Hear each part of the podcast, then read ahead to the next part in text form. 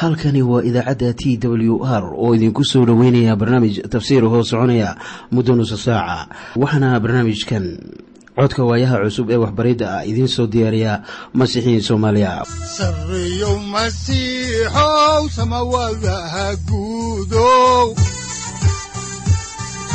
Siraadkii adduunkow subanaha eebow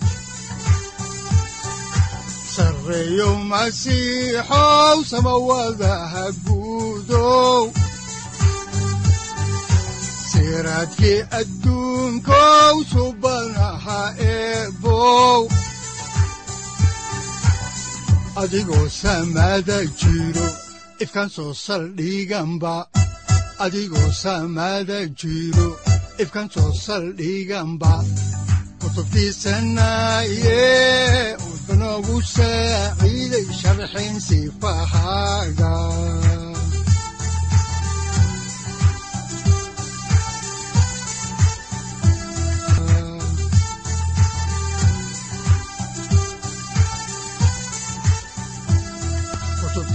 kutubtiisinayo ebanagu saaciid sharxin sifahaaga ku soo dhowaada dhegaystayaal barnaamijkeenna dhammaantiinba. Waxaannu horay u sii ambaqaadi doonnaa daraasaadkii aynu ka soo xiganaynay kitaabka bilowgii ee loogu magacdaray baibalka dhammaantii. Waxaannu caawa idiin bilaabi doonnaa cutubka soddon iyo sagaalaad ee kitaabka bilowgii waxaannu ku soo noqonaynaa qisadii yuusuf oo aan ugu soo tagnay cutubka soddon iyo toddobaad ee isla kitaabka bilowgii haddaba mawduucyada cutubkanu uu ka kooban yahay waxay kala yihiin kow. Howlwadeenkii gurigii fotifar labo. Jarribaaddii yuusuf iyo nabyadii naagtii fotifar saddex yuusuf oo la xabisay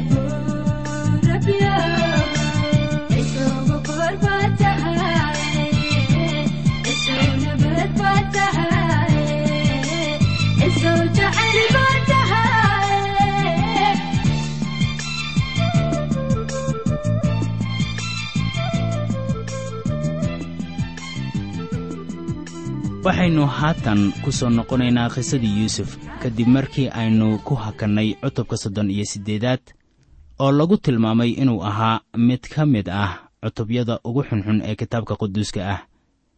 Waxa sidaas loogu macnaynayana waxa weeye in cutubkani uu ka hadlayo khisadii fashaxaarka ahayd ee yuhuuddah waxaynu haatan soo saaraynaa in yuusuf oo ka duwanaa wax badan yuhuuddah waxaan mar waliba dareemayaa in yuusuf iyo benyamiin ay lahaayeen waxbarid iyo anshax iyo fiiro gaar ah taasoo tobanka wiil ee kale ee yacquub uu dhalay ayaan lahayn ama haysanin.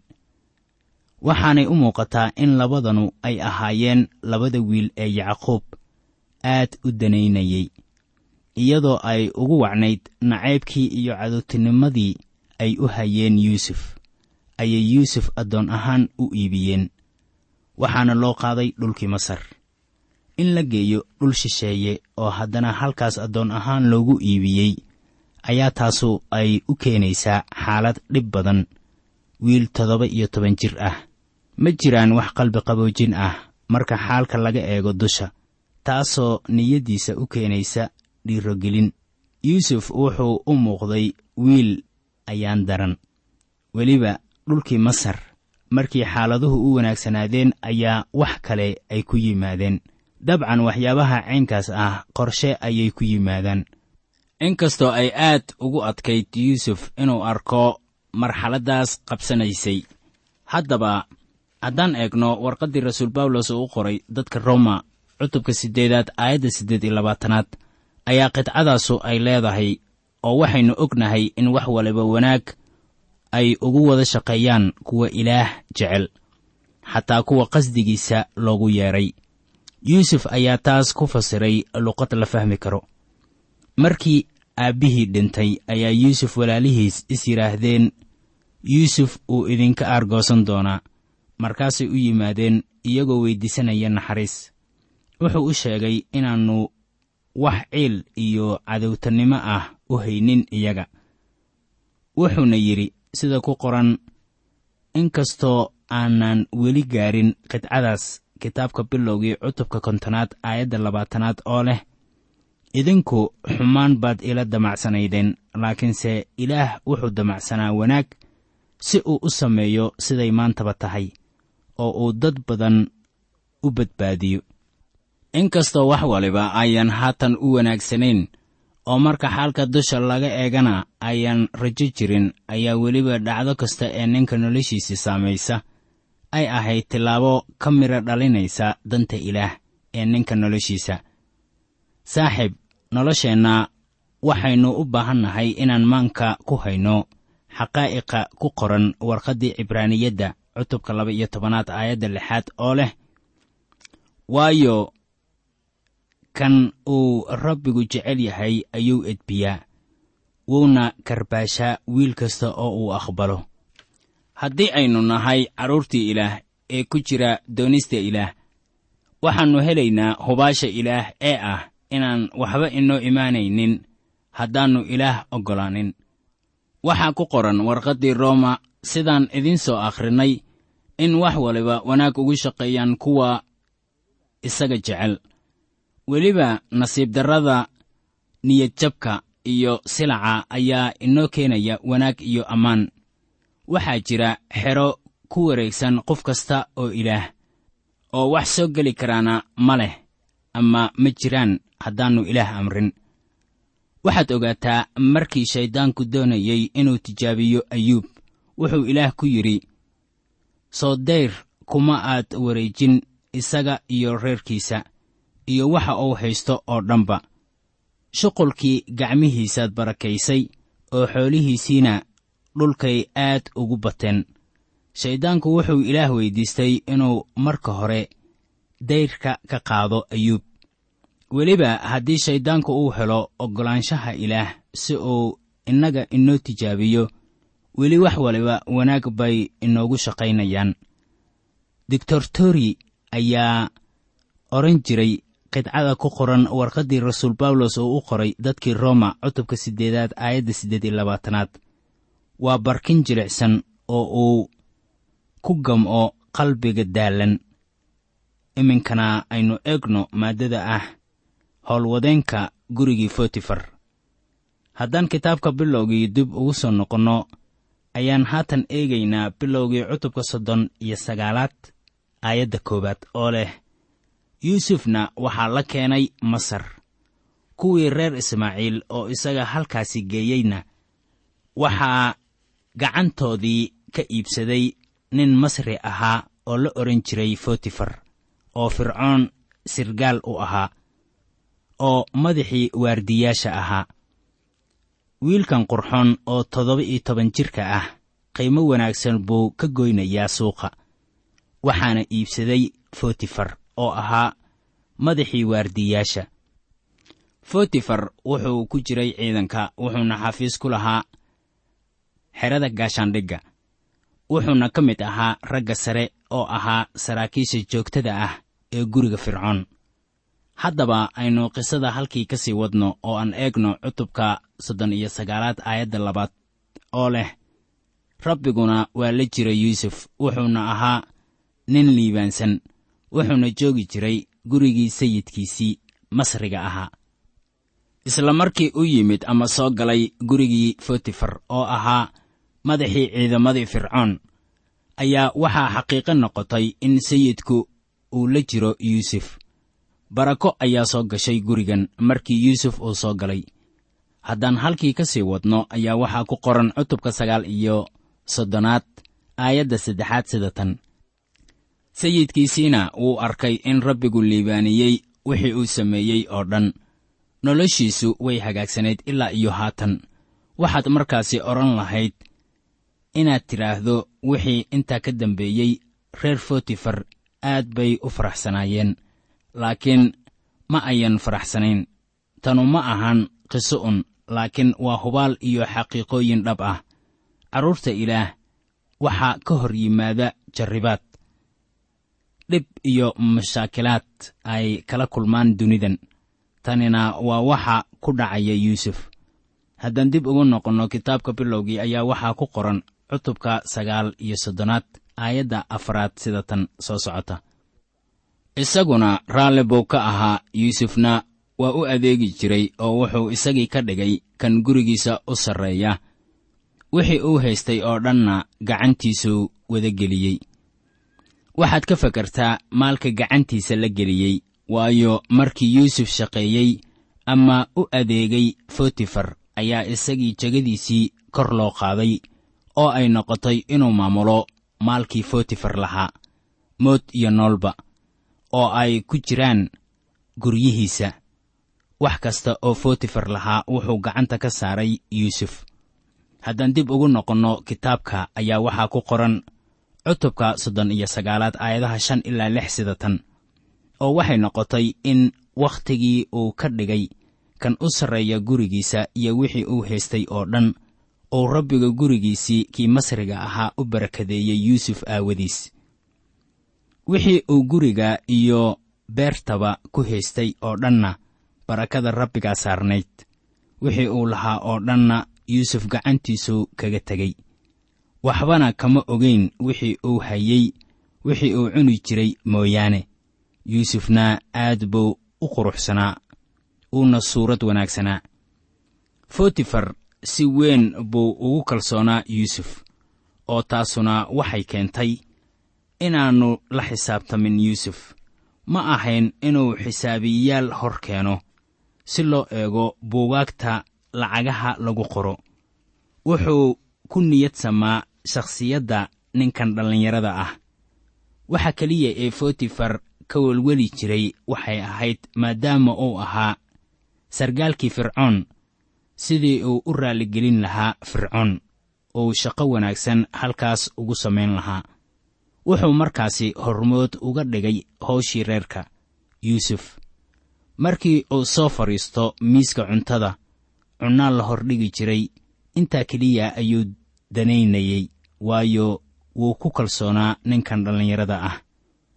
Iminkana aynu ka hadalno maaddada ah jarribaaddii iyo nabyadii naagtii fotifar bal haatanna aannu eegno waxa dhaca. Marka aynu qisada ka eegayno kitaabka bilowgii cutubka soddon iyo sagaalaad aayadda toddobaad oo leh oo waxay noqotay waxyaalahaasi kadib in naagtii sayidkiisu ay fiirisay yuusuf oo ay ku tidhi kaalay ila jiifso. Fotifar wuxuu ninkan u dhiibay gurigiisii oo dhan. Yuusufna wax waliba ayuu u sarreeyey. Marka yuusuf mashquul u ahaa ayaa naagtii fotifarna wax kale ku mashquulsanayd. Waxay ku mashquulsanayd qorshe ay maleegaysay. Yuusuf wuxuu ahaa nin suurad wacan. Waxaa laga yaabaa in fotifar ahaa nin weyn waayo waxay ahayd caadadii waagaas in nimanka da'da ah ay guursadaan naago dhallin yar waxay aragtay yuusuf oo waxay doonaysaa inay shukaamiso. Haddaan halkii ka sii wadno kitaabka ayaa waxaa ku qoran cutubka soddon iyo sagaalaad aayadaha siddeed ilaa sagaal sida tan laakiinse wuu diiday oo wuxuu ku yidhi naagtii sayidkiisa bal eeg sayidkaygu waxba kama oga waxa aan guriga ku hayo. Wixiisii oo dhanna gacantaydu wada geliyey oo weliba gurigan mid aniga iga weynu ma joogo oo isaguna waxba igalama harin adiga mooyaane. Maxaa yeelay adigu waxaad tahay naagtiisii dee haddaba. Sidee baan u samayn karaa xumaantan weyn oo aan ilaah ugu dembaabaa haatan miyaad arkaysaa ninkan dhallinyarada ah inuu ilaah u adeegayo? Isagoo waxyaalahan oo dhaniba qabsadeen markii uu masar aaday wuxuu ahaa dhul ay ku badnaayeen asnaamta sida ay baabiloon ugu badnaayeen oo kale.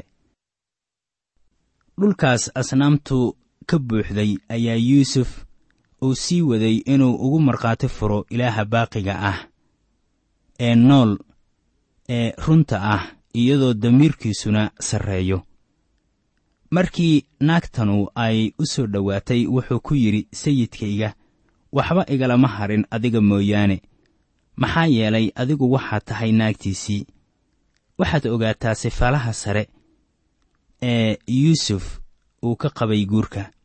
Waxaad arkaysaa in ilaah dhex dhigay insaanka xeerka guurka markii qof uu doono inuu liido nidarkii guurka wuxuu weliba liid is leeyahay ilaah saaxib.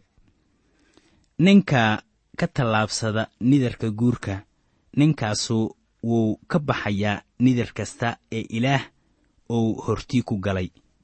Waxaa iga yaabiya markaan eego howsha aan hayo in qof lagu furay daacaddarro oo qofkaasu weliba ka sii fogaanayo ilaah in ka badan intii uu ka fogaaday qofkii la joogay.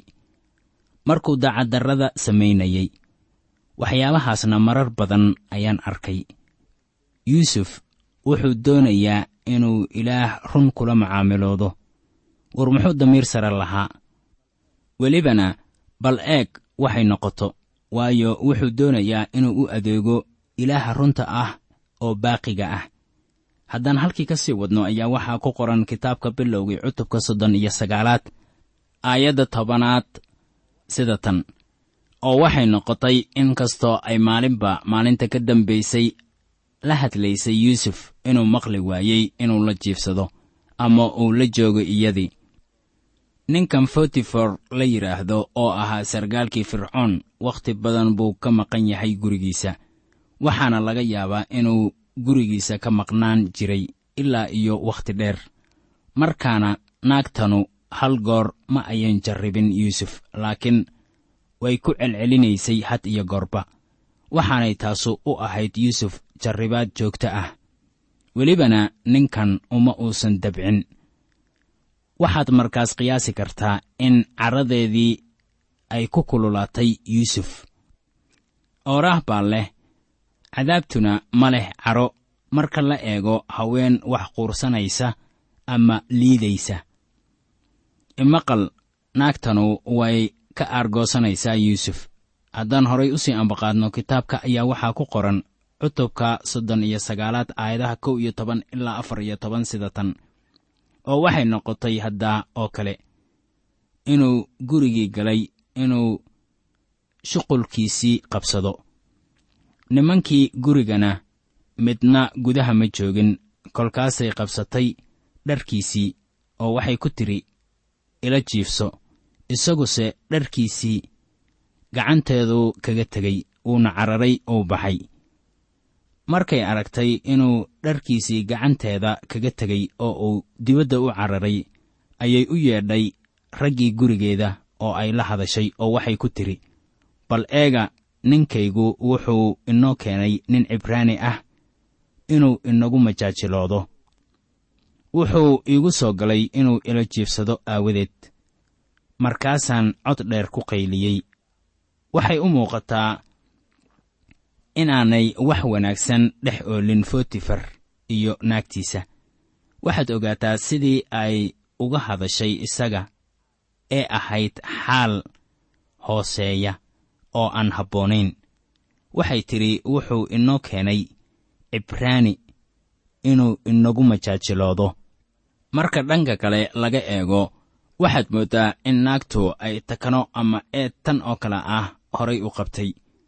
Ninka aan u naxayo haatan waa fotifar isagu wuxuu ahaa warmooge. Haddii nin warmooge ahaa jiray waxay haatanna daboolaysaa naagtii fotifar raadkeedii. Sidaan ka akhrinayno cutubka soddon iyo sagaalaad aayadaha shan iyo toban ilaa lix iyo toban oo leh oo markuu maqlay inaan codkaygii sare u qaaday oo aan qayliyey ayuu dharkiisii iiga tegey wuuna cararay oo baxay. Dharkiisiina way is-ag dhigtay ilaa uu sayidkiisii guriga yimid. Haddaba waxaa inta jooga wiil dhowr iyo toban jir ah. Meeshuna waa dalkii masar waxaana loo eedeeyey ama loo nabay sida ugu xun ee uga fashaxarka badan. Waxay haatan yuusuf ku eedaynaysaa nimankii kale ee guriga joogay. Ninkeedii wuu ka maqnaa guriga marka waxay haatan dhisaysaa sheekooyin ay u sheegto kolka uu yimaado. Haddaan halkii ka sii wadnaa qisada kitaabka bilowgii cutubka soddon iyo sagaalaad aayadaha toddoba iyo toban ilaa sagaal iyo toban waxaa qoran sida tan. Kolkaasay hadalkan kula hadashay isagii oo waxay ku tidhi addoonkii cibraaniga ahaa oo aad inoo keentay ayaa iigu soo galay inuu igu majaajiloodo oo markaan codkaygii sare u qaaday oo aan qayliyey ayuu dharkiisii iiga tegey oo uu dibadda u cararay. Markii sayidkiisii maqlay hadalkii naagtiisa oo ay kula hadashay isaga iyadoo leh addoonkaagii sidaan buu igu sameeyey ayuu carooday.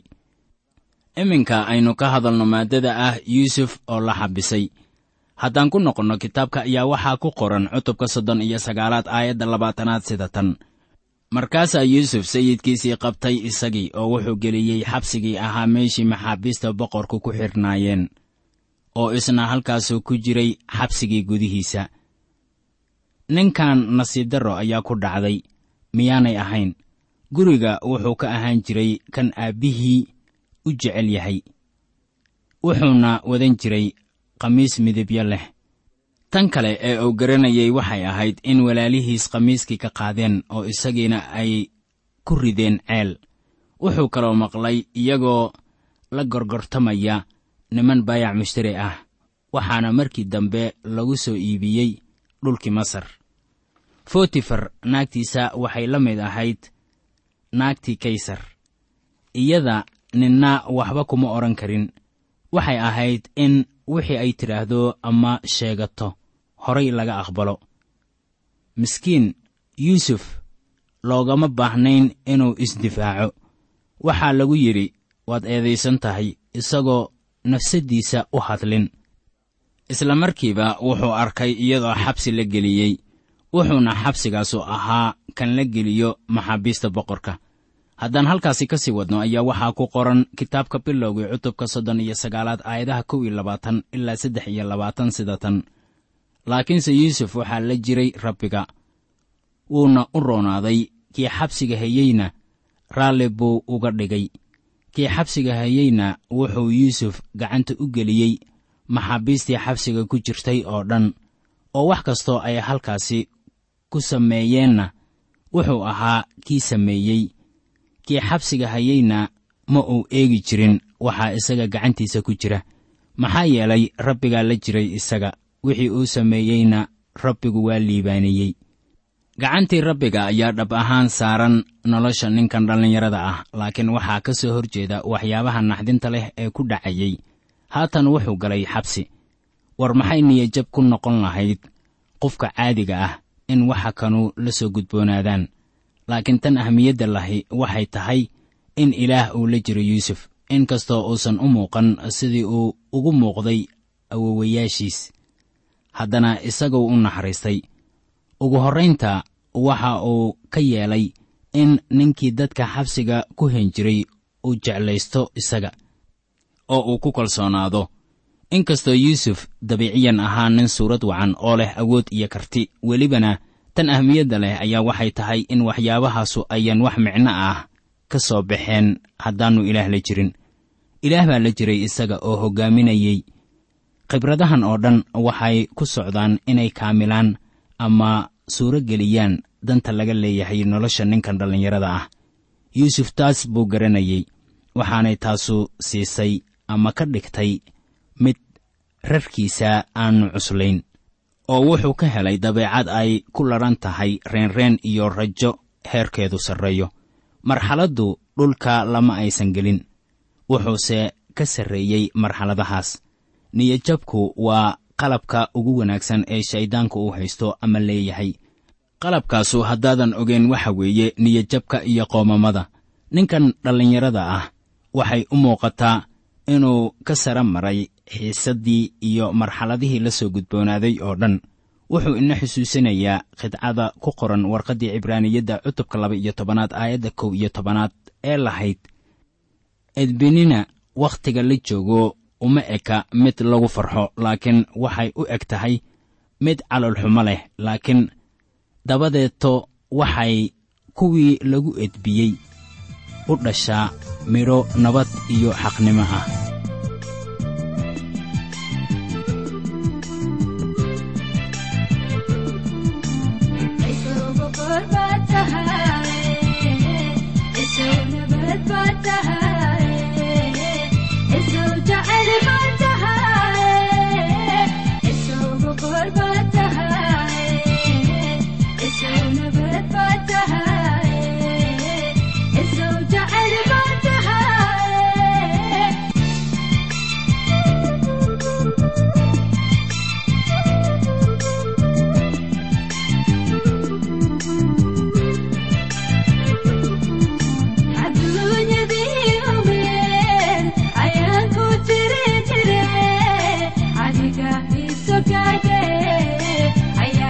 مفاد السيف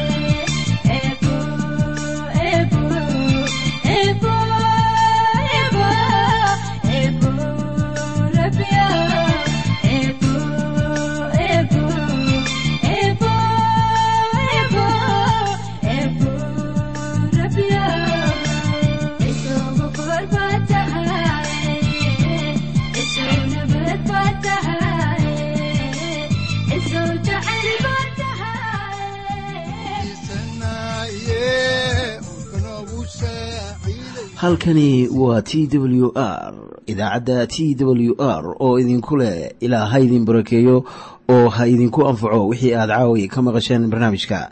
Waxaa barnaamijkan oo kalaa maqli doontaan habeen dambe hadahan oo kale haddiise aad doonaysaan in aad fikirkiina ka dhiibataan wixii aad caawi maqasheen ayaad nagala soo xiriiri kartaan som t w r at t w r c o k e dhegaystayaal haddii aad doonaysaan inaad mar kale dhegaysataan barnaamijka fadlan mar kale booqo www t t b o r g ama www t w r o r g halka sare waxaad ku arkaysaa markii aad gasho language ama luuqadda waxaana dooranaysaa soomaali haddii aad doonaysaan in aad dejisataan oo kaydsataan barnaamijka ama aad mar kale dhegaysataan fadlan mar kale booqo www t t b t w r o r g ama www t w r o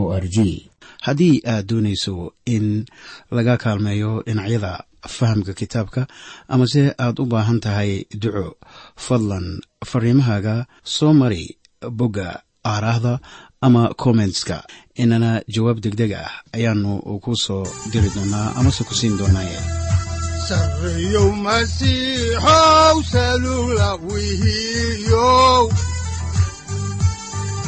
saacadda timid dhulka sabada ku dhalatiyo